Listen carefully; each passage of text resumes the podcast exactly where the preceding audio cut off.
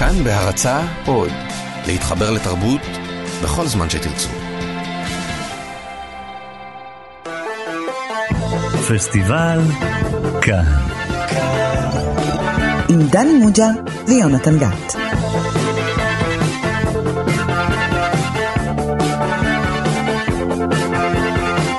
שלום לכם, אתם איתנו בפסטיבל כאן, תוכנית הקולנוע החדשה של תאגיד השידור הציבורי.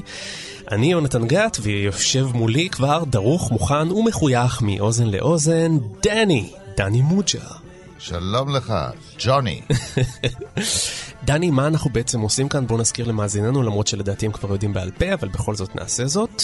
בכל שבוע אנחנו בוחרים סרט אחד, ומשוחחים רק עליו. אחד. כל- אחד בלבד לשבוע, כדי שנוכל להעמיק, לפרק אותו, לפרט עליו. לחפור. אה, להסתכל עליו מכל מיני זוויות, גם מזוויות קולנועיות, גם מזוויות אחרות. אתה יודע, קולנוע עוסק בכל נושא שהוא, ואנחנו ננסה להבין סרטים לעומק. רדיו לעומק, שמעת דבר כזה? וואה, טוב, עומק זה אתה, דני מוג'ה, והסרט שבו אנחנו אה, נעמיק בתוכנית הזאתי הוא זה. Detta har medfört att jag frivilligt avstått från praktiskt taget all והיות שמה שאנחנו שומעים כרגע הוא בשוודית, אז אני רק אתן כתוביות על רקע הדברים. אז זה הולך כך, הוא אומר, היחסים שלנו עם אנשים אחרים בעיקר מורכבים מדיונים ושיפוט של האופי וההתנהגות של הזולת. עבורי הדבר הוביל לפרישה מרצון מכמעט כל מה שקרוי מפגשים. על כן הפכתי לבודד למדי בזקנתי. ימיי עמוסים בעבודה קשה, ועל כך אני אסיר תודה. מה שהחל כמאבק על מנת להתפרנס, הפך לתשוקה למדע.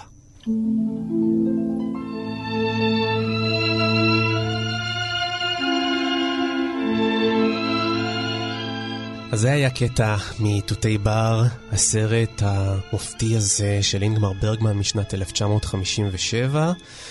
ודני, יש לך יכולת אה, לתת לנו את התקציר של הסרט? זה משימה מעניינת. בוא נראה אותך. תראה, העלילה היא פשוטה למדי, מדובר בלילה ויום בחייו של אה, פרופסור אה, אייזק בורג, הוא בן 78, והיום הוא עומד לקבל אות הוקרה הרחק מביתו, ועליו לנסוע עד אה, ללונד. הוא מחליט לנסוע באוטו ולא בטיסה.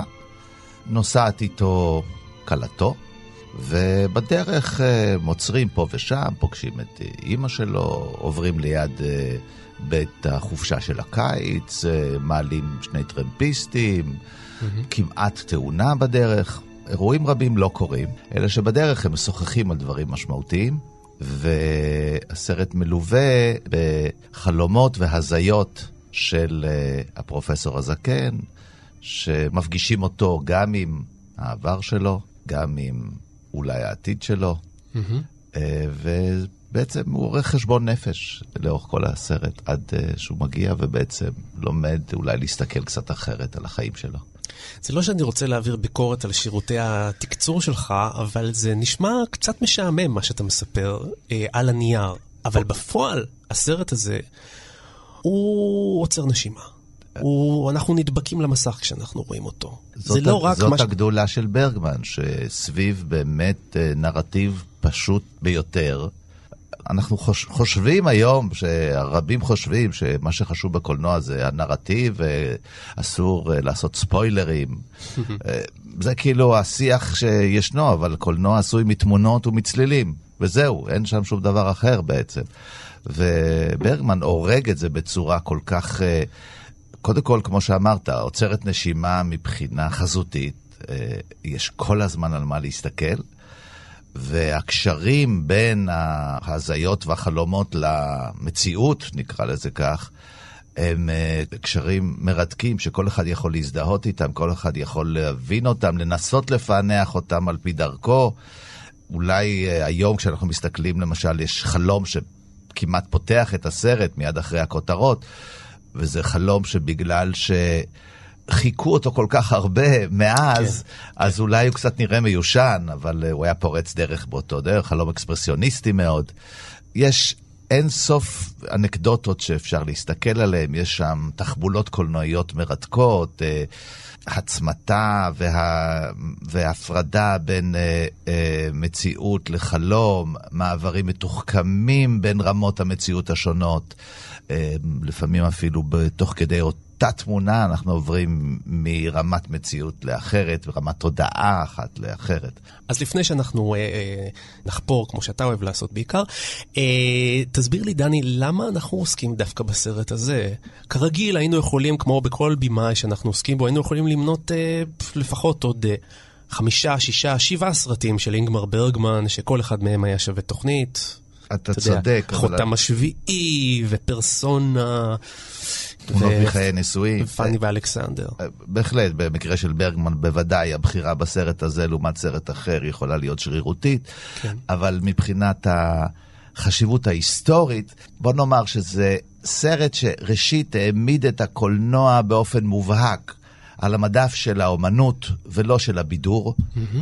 ובהסכמה ובהצלחה אה, עולמית. כן. סרט ששבר את המבנה הנרטיבי כמו שהספרות עשתה כבר זמן רב, כבר מתחילת המאה כמעט, mm-hmm. ומנצל את זרם התודעה שהוא אותו רעיון שבעצם בתודעה שלנו אנחנו יכולים לחלוף בין רמות של תודעה ובין אה, אה, עבר והווה, כפי שאנחנו חושבים בספרות. זאת אומרת שאנחנו מספרים סיפור שהוא לאו דווקא ליניארי, לא מתחיל בהתחלה, לא, לא ממשיך באמצע ולא נגמר בסוף, אלא הוא יכול לקפוץ בין הזמנים השונים, הוא יכול לקפוץ בין שכבות שונות של אה, הכרה, אנחנו רואים לפעמים את תת-ההכרה על המסך, זאת אומרת זה לאו דווקא הסיפור הסדור. וכולם מקבלים פחות או יותר את אותה חזות. אה, אין פה צורך לעבור משחור לבן לצבע ולערפל את המסך כדי שנהיה בטוחים שאנחנו נמצאים ברמת התודעה הזו או האחרת. נכון שהסרט מלווה גם בקולו, במעין יומן, ש... אה, קריינות. קריינות, וזה עוזר להתמקם. אבל תראה, הסרט זכה להצלחה עצומה, זאת אומרת, חיבקו אותו מיד. הוא... אה, הוא זיכה את ברגמן בפרס אה, דוב הזהב בפסטיבל ברלין. הוא הגיע לארצות הברית, אה, אה, השחקן ויקטור שיוסטרום, שהוא במאי לשעבר, אני מניח שעוד נדבר עליו, זכה בפרסים גם הוא, הוא הגיע להיות מועמד לאוסקר, הוא זכה בגלובוס הזהב, זאת אומרת, הסרט הזה, למרות היותו מורכב ושונה במידת מה מן הסרטים האחרים שנעשו עד לאותו רגע, mm-hmm. הוא התקבל בברכה גם על ידי אה, האקדמיה האמריקאית, בוא נאמר ככה, כן. ובעצם אפשר את ה... הוא סלל דרך גם לקולנוע ההוליוודי, לדרך שהקולנוע יכול ללכת בה. וזה גם סרט שהשפיע על אה, במאים מכל העולם, אה, המוכר מביניהם זה וודי אלן כמובן, שמרבה לצטט אותו. הוא עשה את תותי בר משלו ב-1998, עם לפרק את הארי, סרט מאוד מוצלח שלו, והיו ניסיונות קצת פחות מוצלחים, כמו ספטמבר ואישה אחרת. כן, אבל ההשפעה שלו היא מעבר לבמאי שבחר בו בתור... נכון. וודי אלן הוא אפיגון של... כן. ברגמן. ההשפעה שלו, אתה יכול לראות אותה בכל מקום, לא מדבר על ציטוטים. בתחושה הזאת, בהבנה הזאת, שבקולנוע אפשר לעבור בין, אה, אה, בזמנים ובין רמות מציאות, והקהל יכול לעכל את זה. ואני אומר לך, אם תבדוק, אתה תראה סרטים פשוטים, סרטי פעולה, סרטים אה, שמתכוונים לבדר, ואחרי הסרט הזה, יכולים לעשות כל מיני מעברים כאלה ב, ב, עם תחבולות קולנועיות הרבה יותר נסתרות, בגלל שהוא פילס עבורם את הדרך. עוד משהו חשוב שאנחנו יכולים להגיד על הסרט הזה, דני, זה שהוא, זה סרט מאוד uh, פילוסופי, הארדקור אפילו. כן, סרט שמנסח יותר מרעיון אחד, ומנסח את זה באמת כמו שעושה uh, הפילוסוף. הוא מציג לך נושא, מאלתר סביבו, ומביע עליו דעה. אבל אתה יודע, אם מדברים על פילוסופיה, יש לך פה איש שמבין בזה הרבה יותר דוקטור, ממני. דוקטור לאינגמר ברגמן. למה אתה אומר דוקטור? פרופסור או, לאינגמר אוקיי, ברגמן. אנחנו, הוסמכת. הנה עופר ליברגל כותב באתר סריטה, אהלן. היי. אתה עשית עבודת מחקר מקיפה ביותר על uh, ברגמן, אני חושב שכתבת טורים על כמעט כל סרטיו. על, um, על רוב סרטיו. על כל סרטיו הניתנים לצפייה לבן אדם שלא דובר שוודית ועובד בטלוויזיה השוודית. קודם כל תנסה להסביר לנו מה זה בכלל uh, קולנוע פילוסופי, ככה בתקציר. אני חושב שבמקרה של ברגמן ויוצרים אחרים בני דורו, ופחות היום, אבל גם עדיין היום, זה יוצרים שעושים סרטים במטרה אה, לפתור לעצמם את השאלות הפילוסופיות כמו הפילוסופים. שברגמן עושה את הסרט הזה אה, גם בתקופה שבה הוא בא עם פילוסופיה של אה, אינדיציאליזם, והוא שואל את עצמו שאלות מה משמעות החיים בעולם mm-hmm. אה, בעידן שאחרי הזוועות של מלחמת העולם השנייה, בעידן שהוא רואה מערכות יחסים בין אישיים, דן, אדם שמבודד את עצמו מהחברה ויש לו בעיות ביחסים עם ההורים שלו ועם הבן שלו. אה, ושואל איך אני, מה גורם להיות מנוחה לחברה, אה, והאם להביא ילדים לעולם הזה. נושא שעולה בסרטיו שוב ושוב, גם בתותי בר, אה, ונושא של מה, מה זה אני, מה מקום האלוהים בעולם, אם יש אלוהים, במאי שתמיד הדת יש בצד הסרטים שלו, למרות שהוא לרוב מגיע למסקנה שאין אלוהים, ואם אין אלוהים אז מה המשמעות של העולם, ואיך אפשר להיות בן אדם טוב בעולם כזה. מה תפקיד האומן בעולם, כי הוא בא בתור אומן. לכן כל ה... כשהוא עושה את הסרטים, הוא בוחן את השאלות האלה. ואיך עושים קולנוע? הוא לא עונה לעצמו תשובות חד משמעיות. ואיך הוא מצליח לעשות סרט כל כך מרתק עם שאלות שהן כבדות? אמ, זה, קודם כל זה תעלומה. כלומר, אמ, הוא מאוד מוכשר. אמ, והוא גם, אני חושב, אגב, הסרטים הראשונים שהוא עשה עם זרם תודעה ופילוסופיה כשלו יותר. עד שברגע שהיה לו להיט קומי, פתח את עולם, או זה היה מוכן לקבל את ה... מה זה היה? תזכיר. חילוחי ליל קיץ, כמה שנים לפני זה, 55, כן. פתאום הפך אותו לכוכב בינלאומי, שעשה קודם סרטים יותר ניסיוניים כמו כלא, או um, סטודה סנטינסל. הקהל לא הגיע, הקהל בשוודיה לא הבין את המורכבות שלהם, והקהל מחוץ לשוודיה כמעט ולא ראה אותם. כן. Um, אז היה לו את ה... עשה להיט קומי ואפשר לו לעשות סרטים כאלה. עוד הגדולה של תותי בר גם זה שהוא סרט זורם וקולח גם מבחינת היחסים בין אישיים והסיפורים, והוא לא פחות פילוסופי מסרטים אחרים של ברגמן מהתקופה, אבל אני חושב שהוא יותר זורם ויותר נוח להיכרות ראשונית עם ברגמן. עוד דבר שתרם לו לעשות את זה בצורה קולחת זה הניסיון שלו בתור איש קולנוע ותיאטרון. Mm-hmm. זה סרט, אני חושב, 17 או 18 שלו כבר בתקופה של קצת יותר מעשר שנים. אה, וכל הזמן הזה הוא גם מביים כל הזמן הצגות לתיאטרון. שאת כן. תיאטרון הוא לא כותב, אבל הוא, הוא עובד הרבה עם שייקספיר ואיבסן וסטרינברג, והוא רואה איך היוצרים האלה שהשפיעו עליו כתבו בצורה שתהיה גם מבדרת וגם עמוקה. הוא יודע איך, הוא רואה איך הוא עובד עם הסרטים האלה ויוצר הצגות תיאטרון שצריכות לרוץ ולהצליח. אה, והוא עושה את זה, אגב, בקצב עבודה שהוא בלתי נתפס. בשנת 57 לבדו עושה את אחותם השביעי יוצא ב-57, ותותי בר יוצא בסוף 57. שני מאסטרפיסים כאלה ענקיים אבל באותה שנה הוא כן. עושה גם ארבע הצגות תיאטרון שונות בתיאטרון שלו. וואו. אה, כן. במלמה אז, לפני שהוא עבר לתיאטרון הממלכתי, ועוד הצגה לטלוויזיה, שבעצם סרט טלוויזיה עם הצגה קצרה. ובאותו זמן, אגב, תותי בר נכתב שהוא מאושפז בבית חולים. אמ, אמ, הוא הקצב עבודה מאוד מראים, אבל כן. הסרטים שלו, אתה לא מרגיש שיש בהם משהו מחוס... מהיר. בכלל לא. כל משפט אצבו הוא טעון.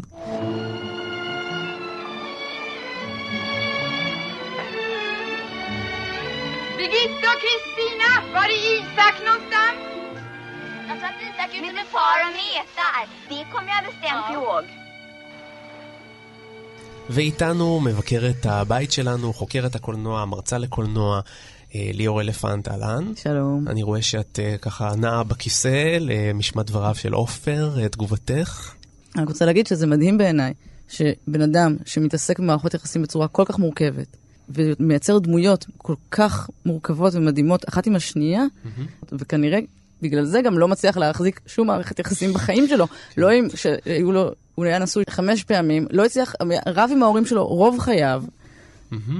אומרים שבסרט הזה הוא היה בנתק מההורים שלו. בתקופת הסרט, הסרט הזה היה בנתק מההורים שלו, אה, אוקיי. אבל הסרט הוא גם סרט, סוג של פיוס אולי עם אבא שלו.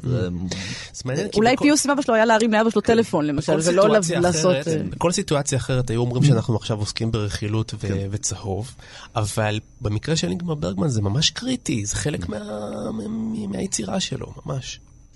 כן, אני גם חושבת שזה... זה לא, זה, אני לא חושבת שבאמת שיש עניין כזה של רכילות בתוך המקומות האלה. החיים של האנשים ומערכות יחסים שלהם, וברגמן מוכיח את זה פעם אחרי פעם, הם חלק בלתי בלתי נפרד מהקולנוע.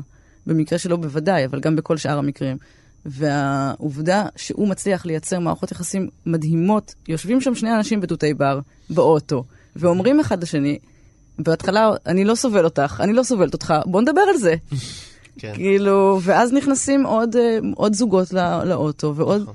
עוד זוגות, ושלישייה אחת נכנסת, ו, והוא מצליח להסתכל על כל המערכות יחסים שלו, הפרופסור, דרך האנשים שנכנסים לאוטו, שזה גם אחד הדברים היפים בסרט. כי...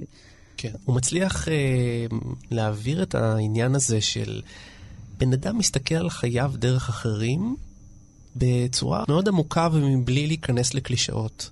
תראה, זה, אתה בתור צופה מפרש את זה שהוא מסתכל דרך אחרים על חייו. אנחנו רואים טרמפיסטים. אנחנו רואים תאונת דרכים, כמעט תאונת, סוג של תאונה. אנחנו שומעים אנשים מדברים ביניהם. הם אומרים דברים שבוודאי לאוזן ב- בישראל למשל, ב-1957, אני מנסה לחשוב איך אנשים שמעו משפטים שנאמרו שם. אנשים אמרו אמת זה לזו. זה כבר היה דבר נדיר. אנשים אה, אה, מדברים על אה, אה, בתולים, אנשים מדברים על הפלות, מדברים בחופשיות כזו אה, על... אה, אה, נראים אנשים מודרניים לגמרי.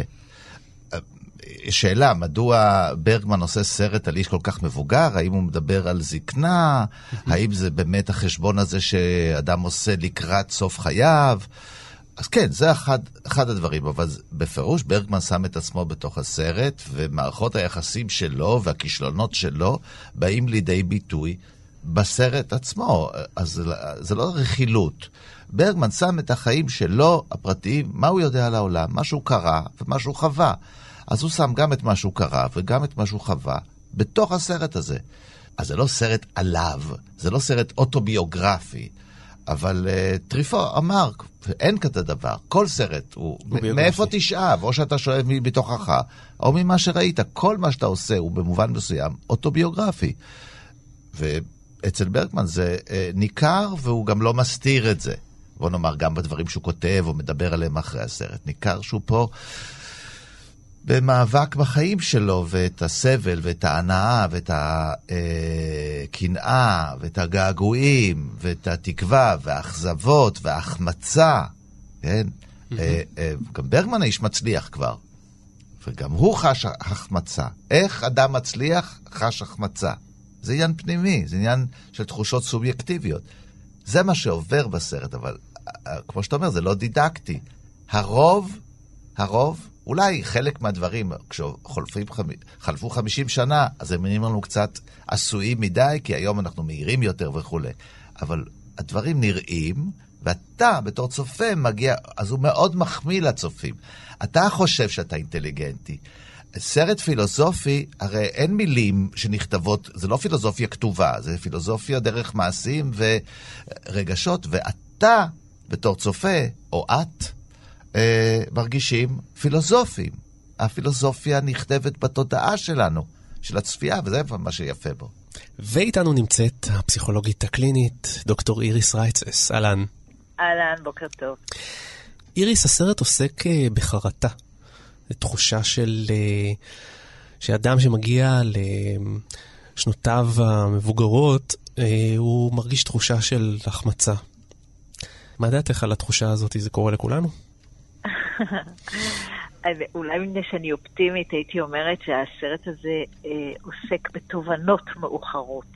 כן. יותר מאשר בהחמצה, מפני שאם אנחנו מדברים על הגיבור שלנו שמתחיל מנקודת מוצא שבה הוא אומר שאנשים נוטים לביקורת ולכן הוא מתרחק מהם, ובסוף הסרט הוא מנסה גם לקרב את הבן שלו לאשתו, וגם מנסה להתקרב אל סוכנת הבית. הוא מציע לה יחסי אינטימיות חדשים. נכון, כן. אז, אז uh, יש פה משהו שכאילו אומר, הבנתי, נכון שהבנתי שנחסך ממני משהו שהוא כל כך כל כך משמעותי לחיים שלנו, אבל אני כן רוצה איכשהו להכניס את זה פנימה.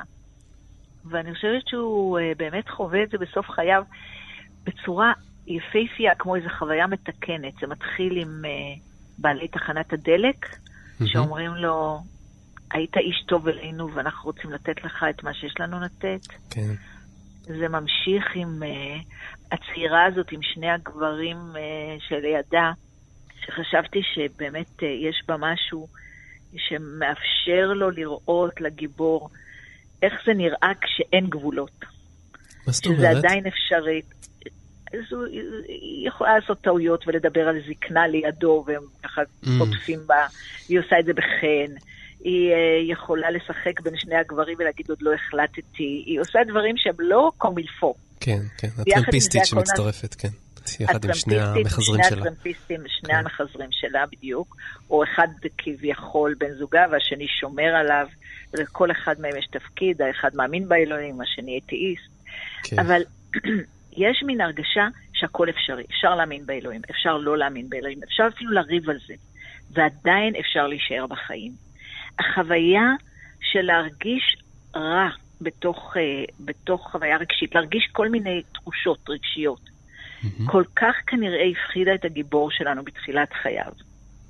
מפני שכנראה שהוא, סליחה על המשפט השגור כל כך, קרוב לוודאי שהיו לו הורים ביקורתיים בלתי אפשריים, כן. שגרמו לו פשוט להיסגר ולהימנע מכל החוויות הרגשיות.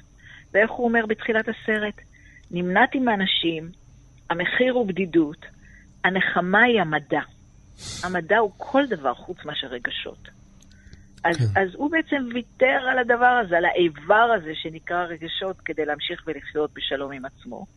ובתוך המסע הזה שהוא נוסע אה, אל הטקס שבו הוא מקבל אה, דוקטור של כבוד או איזשהו תואר כבוד אחר, הוא חווה את כל החוויות הרגשיות שכמו שאתה אומר, הוא החמיץ. איפה אנחנו רואים את החומץ, את, ה, את החוויה הרגשית הקשה? אנחנו רואים את זה בחלומות, חלומות נורא קשים. אבל איכשהו דווקא במסע קורים לו דברים נורא יפים. הוא מתחיל לחבב את כלתו, את האישה של הבן שלו. הוא מגלה שהיא בהיריון, שזה איזה סוג של תקווה, נראה לי לפחות. מהמם. הוא פוגש רוך, הוא פוגש אנושיות, והוא מצליח להתחבר על זה. הוא אומר לה בסוף לכלה שלו, אני מחבב אותך. נכון. ובעצם אם אנחנו רואים איזשהו מגע פיזי שמתרחש, זה שהוא שוכב במיטה בסוף הסרט, והיא ניגשת אליו, ומחבקת אותו בחום. כן. אז, אז אני רואה, כן, תקרא לזה החמצה, זו תשובה ארוכה לשאלה שלך, אבל אני רואה בזה החמצה, אבל אני נוטה להגיד שאם בן אדם רואה מה הוא הפסיד, והוא מנסה בערוב ימיו כן לשחק את המשחק, אז זה גם קצת חוויה מתקנת. איריס, אה, אני רוצה לשאול אותך, אה, אני תופס את המפגש עם הבחורה שעוד לא החליטה, כמו שאת אומרת, שהכל כן. פתוח, שאין גבולות. כן. אה, המפגש הזה מפגיש אותו עם העובדה שתחושת החמצה קשורה בזה שאולי גם בחרת לא נכון. יש הרבה בחירות בחיים שמוצגות פה, זה לא רק בין דתי לדת ללא דת, אלא בין הגבר הזה לגבר האחר, כפי שעשתה אה, מישהו חשב שאהבה אותו. אז ההחמצה קשורה בבחירה. אני, אני לא נראה לי שהבחור הזה בחר בשום דבר. נראה לי ששם המשחק שלו הוא הימנעות. הרי יש שתי נשים בחייו, אם הבנתי נכון, מתוך החלומות שלו. האחת זאת אשתו, שנפטרה לפני הרבה שנים, כן. ובאיזשהו חלום הוא רואה איך היא בעצם אה, בוגדת בו, עם מישהו מלא תשוקה ומלא אלימות, אה, ו- וצוחקת עליו ואומרת, אם אני אבוא ואספר לו שבגדתי בו, הוא יגיב בסלחנות. מה שאומר שהבן אדם היכה את רגשותיו ולא בחר גם באשתו. זאת אומרת, אתה יכול לכאורה להתחתן ועדיין לא לבחור להיות בתוך החיים. מעניין. והאהבה הראשונה שלו בחרה באחיו. הבחור לא בחר. אז- הדבר היחיד שהוא בחר זה הימנעות. אז איך הכרה, אם אתה מכיר בזה, פוגש את זה כן. ומכיר בתחושה הזאת, איך זה לא מפרק אותך עוד יותר? איך אה, זה חוש- קצת בונה אותך? דני, אני חושבת שמה שיכול לפרק אותך זה משהו אה, שפוגש אותך כאשר בפנים ישנה אה, מערכת רגשית. אם הכל נמצא בעוף, שמת קרח על הכל, אז הכל פוגש אותך כמו מול מעטה זכוכית, כאילו אתה רואה את הכל מבעד למראה.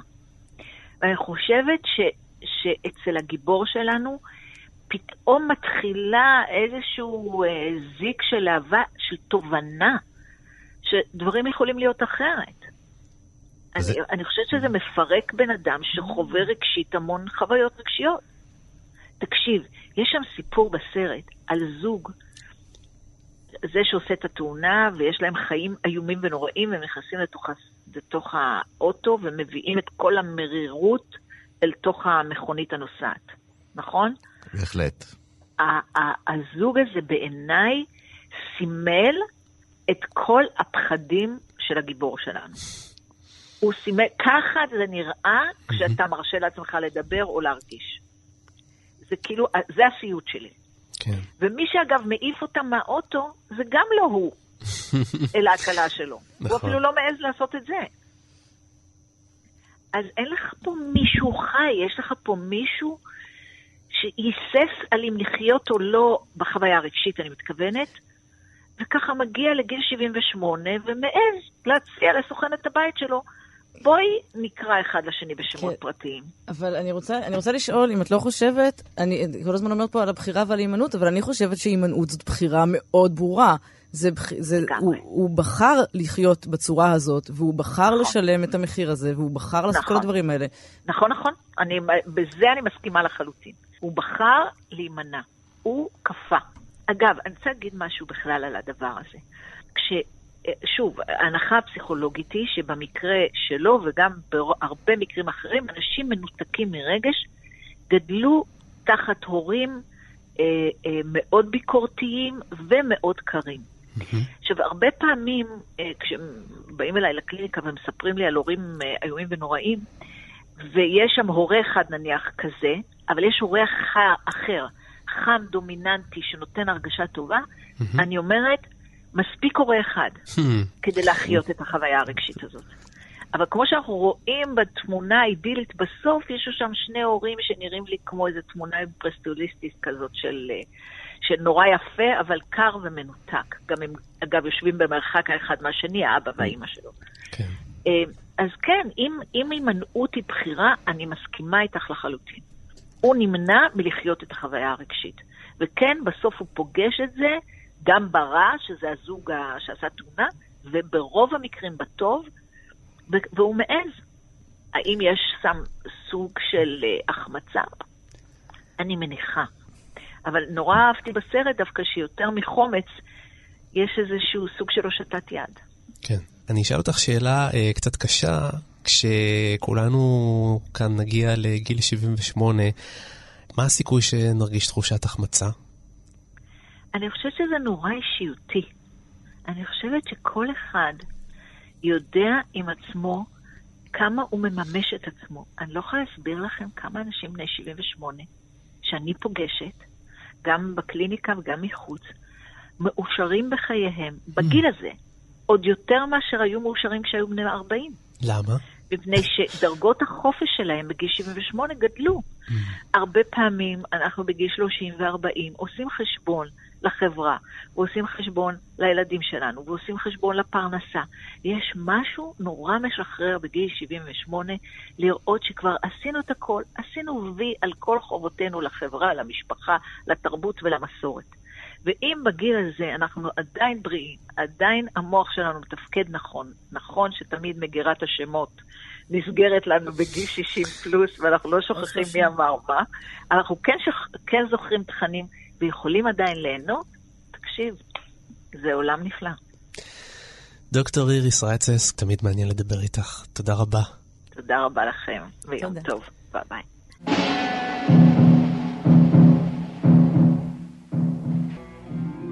חברים, כשאנחנו מדברים על אה, תותי בר, אנחנו לא יכולים שלא לעסוק אה, בשחקן הראשי, ויקטור אה, שיוסטרום, שמשחק את אייזק בורג בן ה-78, הוא גם היה בן 78 בעצמו. אה, באותה שנה. הוא עושה את כל הסרט. לחלוטין. אה, תראה, אוסף התחבולות הקולנועיות האלה היה יכול להיות מעמסה עצומה על הצופים, אלמלא הנוכחות של שיוסטרום, השחקן, הפנים שלו, הרכות הזו, היופי הזה שיש בפנים של האיש הזה, שגם ברגעים היותר קשים יש שם משהו מלבב, בפנים שלו, שמרכך את כל חוויית הצפייה בסרט. זה מן הרגע הראשון, אחרי הדברים כמעט דוחים שהוא אומר על עצמו ועל אנשים והעולם, והאופן שבו הוא מתווכח ומעליב את סוכנת הבית שלו, באמת גבר איום ונורא. Mm-hmm. אבל הג'סטות הקטנות שלו, השנייה הזאת שהוא רוצה בדרך לארוחת הערב אה, להזיז עוד כלי אחד במשחק השח שהוא כנראה משחק עם עצמו, ומוותר, הוויתור הקטן הזה שהוא עושה, הפנים שלו, החיוך שלו כש... בטעות הטרמפיסטית אומרת משהו על זקנה. וכולם uh, מתפלצים מה, מההערה הזאת, והוא עם חיוך כזה מקבל את זה. גם ההומור העצמי שלו, שהוא אומר, הנה האנטיקה שלי, הרכב שלו מדבר על אנטיקה, אנטיקה כמוני, גם אני אנטיקה, ככה כן, הוא מדבר. כן, אני, אני מדבר, טוב, זה ברגמן שם לו את המילים האלה בפה, אני מדבר כן, על האופן מדבר. שבו הוא מגיב נכון. כשהוא לא מדבר. הניואנסים, כשהוא לא כן. מדבר. הוא באמת רך מאוד, הוא מרכך את הסרט, ואז אתה יכול לאהוב אותו. גם אם אתה מתפלץ מדברים שהוא אומר ומההתנהגות שלו, ו... הוא באמת אימץ כל מיני דברים אה, אולי מעורב, אבל אחרי שאתה רואה את אימא שלו, ברור שהוא עשה דרך עצומה גם בלי המסע הזה. כן. זאת אומרת, בגלל שיוסטרום. השחקן הזה זה סיפור בפני עצמו, מכיוון שמדובר על אה, במאי מאוד נחשב בשוודיה, שעשה סרטים אילמים מתקופת הסרט האילם, ברגמן העריץ אותו. אמ, במאי מאוד נחשב בעולם. כן. בשנות ה-20, אמ, משנות העולם הראשונה הוא בעצם מדור המייסדים של קולנוע השוודי, אמ, כשחקן וכבמאי, תמיד, כמעט, בשוודיה הוא כמעט תמיד שיחק בסרטים שלו, לא, לא רק שלו. ברגמן רואה את הסרט שלו מרכבת הרפאים בתור ילד, וזה משנה את עולמו. כלומר, גורם לו להתאהב בקולנוע וב... עולם ושל צללים ושל רוחות שרודף סרטים אחרים של ברגמן. אם אתם אומרים, חותם השביעי לא יכול להיות בלי mm-hmm. שויסטרום. אה, בחצי השני של שנות ה-20, שויסטרום הוא בכיר במאי הוליווד. הוא עושה כמה מהסרטים ההוליוודים הכי טובים שנעשו בסוף העידן האילם. כשמגיע הקולנוע מדבר, הוא מחליט uh, להתמקד רק במשחק. שנות ה-30-40 הוא עובד רק במשחק, ובחברת הסרטים השוודית הוא הופך להיות אחד מהיועצים וברגמן רואה בו כממש איידול שלו, ו- וכל הסרט הזה נבנה על, כן. על, על, על דמותו, נכון? יש איזושהי סברה שאומר, הוא בעצמו אמר שאילולי הוא היה משחק, הסרט הזה היה נגנז. כן, ברגמן אמר על הסרט הזה, על הליוק הזה כמה דברים סותרים. אז הוא אמר, אם לא היה משחק, הייתי דמות את הסרט. במקום אחר הוא כותב, אני לא חשבתי עליו עד שסיימתי לכתוב את התסריט, במקום אחר הוא אומר, המפיק הציע אותו. אמ, ברגמן כתב לעצמו הרבה מאוד, וזה לפעמים לא יודע, זה לא מתיישב. אני גם, יש גם, אמ, שנות ה-40, ברגמן, הקריירה שלו עומד בפני חיסול פוני כמה וכמה פעמים, ושויסטרום נעמד על רגליו כדי לתמוך בברגמן, שהשלטים שלו כושלים. ובתותי בר הוא, הוא, הוא בעצם גם כל ההפקה יחד עם אה, שיוסטרום הוא, אה, היא, היא לא קלה, בן אדם כבר מבוגר, חוששים שהוא עלול אה, למות בכל כן. יום, הם אה, צילומי החוץ הם בכלל עושים בתוך אולפן בחלק מהזמן. צילומי באולפן זה גם העדפה, אבל חלק מהם, גם, גם יציאה החוץ זה משהו ששיוסטרום מביא לקולנוע, אבל הם... ושיוסטרום אומר שהוא מבקש לחזור כל יום הביתה בחמש כדי לשתות את הוויסקי לא, שלו. לא, ארבע וחצי צריך לשתות וויסקי בבית, זה, אז אתה יכול לסיים רק בבוקר פחות או יותר. כן. והוא, כן, הוא לא, לא חושב שהוא מת, אבל הוא פחות נוח לזכור את השורות שלו, לפעמים הוא עושה טעויות, אז השחקניות נדרשו לחפות עליו, ולהיות נחמדות עליו, ולגרום לו להעביר את הטק ונעימים, כי הוא לא... הוא לא ממש רצה לעשות סרטים בתפקיד ראשי בשלב זה. תפקיד ראשי לא היה לו הרבה זמן. לו... כן. אבל ברגמן גם אומר אחר כך בעצם, אני כתבתי את הסרט, אבל הוא כתב אותו מחדש. הוא הכניס את עצמו לתפקיד. אה, והוא אמר, הבנתי את זה רק בעריכה כמה זה הסרט שלו. כן, אנחנו רואים פה תצוגת משחק שמאוד קשה למצוא בקולנוע. אה, כל הסרט נשען על אה, כתפיו הישישות. אני רוצה לומר שהיום, כאילו, אתה יודע, אולי ב-57 להגיד ש-78 זה זקן, אבל היום 78 זה, נכון, נכון. זה לא, גיל שהוא אבל... מאוד, אנשים לא פורשים בגילאים האלה, נכון. בטח לא ממשחק. אבל לפני 60 שנה הגיל הזה כן. נחשב לממש ישיש. יש לו גם אימא בסרט, שמופיע כן. בסרט. כאילו... זה בין, זה כמו... אימא שלו יותר מעניינת מבחינה גילאית, יותר כן. ישישה ממנו. למרות שהשחקנית היא בת גילו בערך, אבל... כן. והיא שיחקה גם תפקידי... יש, יש לה תפקיד קבוע כאילו בלהקה של ברגמן. אה, כמעט כל שחקן שלנו בסרט הזה, חוץ מזה אחד או שתיים, הוא משחק עם ברגמן לפחות בשני סרטים. בדרך כלל בעשרה סרטים. כן. אני חושב שאחת הסצנות היפות של הסרט היא הסצנה שבו אייזק בורג שוכב על הדשא, מסתכל, אה, הרגע הוא גילה שם את חלקת תותי הבר, ואז הוא רואה בדמיונו את שרה, הנערה שבה הוא היה מאוהב, והוא קורא לה, היי, שרה, זה אני. אני כמובן הזדקנתי מאוד, אבל את נשארת באותו הגיל. שרה? Sara. Det är din kusin Isak. Ja, jag har blivit. Så jag är mig inte särskilt lik. קטע מקסים. אז, אז זהו ש... זה קשה לתאר את זה, אבל אתה אמרת, הוא רואה בדמיונו. כן. בסרט הוא לא רואה בדמיונו, הוא רואה. נכון. ו... טכניקה מרתקת של ברגמן. אני זוכר את הצפייה הראשונה שלי בסרט, ואני זוכר שלא הבנתי. מתי הייתי... זה חלום ומתי זו מציאות? לא, אני, אני לא הבנתי, הייתי אה, באיזשהו מועדון קולנוע בתל אביב, אה, אה, בקומה שנייה, ברחוב, בשדרות חיבת ציון, בשדרות בן ציון, סליחה, ו... לא, הבנתי איך זה יכול להיות שעברו והיא צעירה ואחר כך... אה, כי המעבר הוא מעבר אה, בלי ה... ההקלה הזאת שעושים בדרך כלל. אוקיי, ועכשיו נעבור לחלום. כן, הוא איזה פייד אאוט כזה, כי זה מה שקורה, כשאתה רואה פתאום, ובאמת רואה בעיניך, ומתחיל לדבר עם דמויות, ו... אה, כן, אז הוא מתפלא איך זה שהוא מבוגר והיא צעירה. הרי הם נפגשו פעם קודמת... אה, אה, אגב, אני חושב שכבר בסצנה הזו יש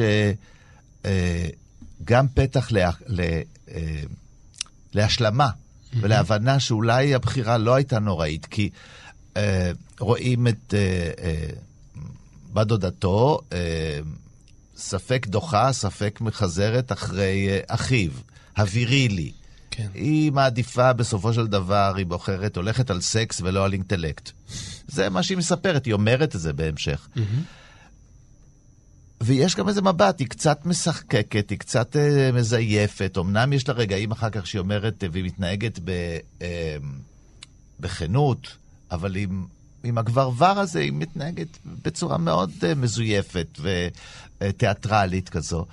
אז זה גם יכול לתת לו נקודות על זה שטוב שלא בחרתי את הבחורה הזאת. ראשית, לא היה לי מה לתת לה.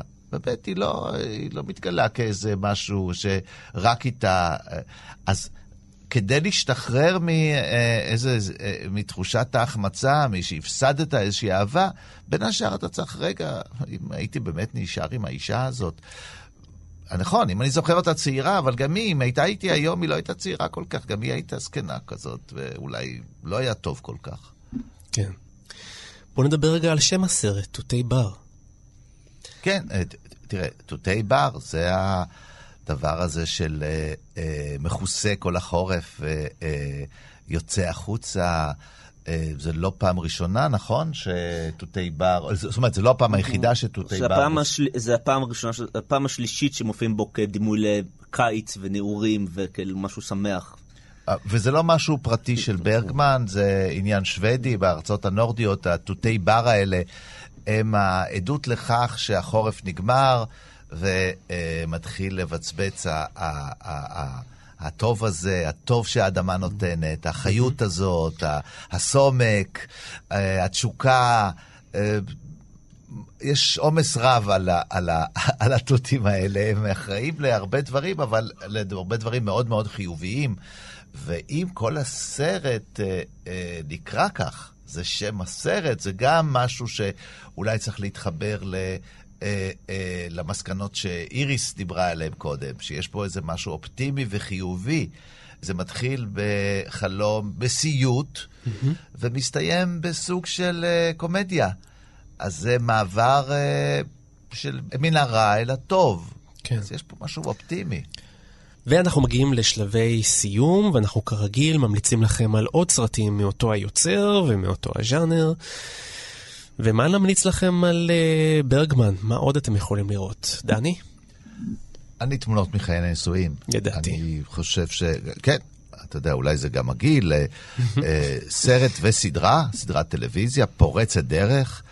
אה, יש שם מעדיפים יותר את הסרט, יש שם מעדיפים יותר את הסדרה, אבל זו תמונה מאוד אותנטית וחזקה של הווה, של חיים מודרניים, של הפרובלמטיות בזוגיות, אבל הזוגיות של אנשים שמודעים לזה שהם נשואים, ושזה מורכב ומסובך, ויש בו ויתורים, וה...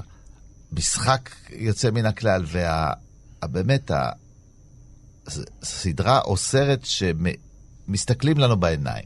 כן. ואנחנו מסוגלים להסתכל אל הסדרה בחזרה, בגובה העיניים, ולהרגיש שזה מדבר עלינו, או על האופציה שאנחנו יכולים להיות, או האופציה שכדאי שנברח ממנה. מבחינה זאת, בעיניי, אה, המלצתי לפחות השבוע. גרסת התיאטרון uh, עלתה אצלנו uh, בכיכובם של איתי טירן ואפרת בן צור, אבל אני חושב שכדאי להיצמד לסדרה המקורית ולסרט. לא יודע, לא ראיתי, אבל כן. זה... אני חושב שאלתורים ווריאציות על אותו נושא בשפות שונות, זה עדות לחוזק ולעוצמה שיש בגרעין של הדבר הזה. יש סדרה, נכון. יש מחזה בעברית, בשוודית, יש, יש סרט. זה גם עלה בישראל, נראה לי פעם רביעית של בטרון mm. בישראל, גם, גם עם אה, רמי אולברג לפני לא הרבה שנים, וזה שהוא מחזה שבלים כל כך הרבה, אמ, וכל העוצמה של השחקנים, שיש להם את העוצמה של הברגמן, לתאם אותה מקרוב ואינטנסיבית, אה, של השחקנים השוודים, הסקנדינבים, שוודי ונורבגי, שהוא לקח, היא הופעה את החזרה הזאת למשהו מאוד מיוחד, בייחוד שאתה רואה אנשים רבים שעה שלמה בפרק. אמ, זה משהו שלא, קשה לשכוח. המלצה שלך, עופר? שיש כמה אופציות. אני אגיד על עוד סרט שפשוט מהמם אותי ומשאיר אותי משותק כל פעם שאני רואה אותו, ממש בא לי פעם שיתוק פיזי, זה זעקות ולחישות. אה, סרט על שלוש אחיות, אחת מהן גוססת, אבל הסרט הוא גם על מוות וגם על עוד פספוס במערכות היחסים. ו... עוד פספוס. כן, ו... או גם הגשמה, זה מאוד דואלי, והמערכות היחסים שלו, גם בין הגברים בחיים שלהם, אה, וגם בתוך אחות עצמם, ואני אה, אני גם לא יודע, גם ראיתי דברים היום, תיאור כל כך אה, נועז של אינטימיות בין החיות ושל בעיות במיניות ובעיות בהגדרה האישיות ובעיות ביחסים עם המשרתת שלהם ועם הכלכליות. סרט של שעה וחצי מצולם נפלא דחוס. אה, ומטריד וגם מרמם נפש בדרכו. אליאור? אני צפויה באותה מידה ואני אגיד שהאהוב עליי זה פרסונה. אה, אני חושבת כן. אה, שאני באמת, קודם כל אני זוכרת את זה מגיל אפס, שזה היה בווידאו בבית שלי על, ה, על המדף, אבל בלי קשר, אני חושבת שיש כאן ייצוג מושלם בעיניי של מערכת יחסים בין שתי נשים, ביבי אנדרסון וליב אולמן, שגם ספק מתחלפות, ספק, כאילו, באמת, הוא המציא את Fight Club האיש הזה, אני לא, אה, זה לא, הוא עשה הכל, אה, הכל הוא עשה לפנינו. משחק מדהים של שתיהן, וגם באמת, אם כבר, אם לראיין פסיכולוגית, אז ללכת, בוא נראיין אותה בסרט הזה. נראה מה, מה חושבים על זה, אבל באמת פרסונה זה masterpiece בעיניי, של מערכת יחסים בין נשים. כן. שעשה גבר. ואני אמליץ לכם על אה, פאני ואלכסנדר, אבל לא הסרט משנת 1982 שאורכו שלוש שעות, אלא הסדרה שאורכה חמש ורבע שעות. אה, סיפור התבגרותו של אה, ילד שנולד למשפחה עשירה, הוא גודל ומתבגר מול ההתמודדות שלו עם המוות, מוות של אבא שלו, ובנייה מחודשת של המשפחה שדמות האב בה הופכת להיות לדמות עקומה אבל מעבר לזה אני לא אקלקל. אי אפשר שלא להשתאות מול הצילום המדהים, הצבעוניות, המוזיקה של שומן. פשוט מעדן שחמש ורבע שעות נבלעות לכם בערך כמו 20 דקות. אז יש את גרסת קרייטיריון, גרסת ה-DVD עם כל התוספות, ושם יש גם את הסרט וגם את הסדרה וגם מאחורי הקלעים וגם הכל. ובנוסף, אני מאוד ממליץ לכם לקרוא באתר שריטה את uh, מאמריו של עופר ליברגל. זה בדרך כלל חריג שאומרים את שבחו של אדם בפניו, אבל באמת מאמרים מאוד uh, מעמיקים ומרתקים. אה, זהו, סיימנו. תודה רבה לטכנאי שלנו, נדב זילברשטיין. אתם מוזמנים להיכנס לעמוד הפייסבוק שלנו, שנקרא כאן תרבות, ולכתוב לנו אילו סרטים הייתם רוצים שאנחנו ננתח בתוכניות הבאות. תעשו את זה, כי אנחנו קוראים הכל. אז תודה רבה לעופר ליברגל. תודה רבה. תודה רבה לאליאור אלפנט. ודני, אתה תהיה איתי גם בשבוע הבא, ואני מציע לך כבר לתכנן את ה masterpiece הבא, כי אתה הולך להיבחן עליו. אני רץ לספריית הוידאו לבחור אותו, ואז... אה, ספריית הוידאו. 16 מילימטר. אז להתראות לכם, עד לשבוע הבא. ביי ביי. ביי. ביי, להתראות. להתראות.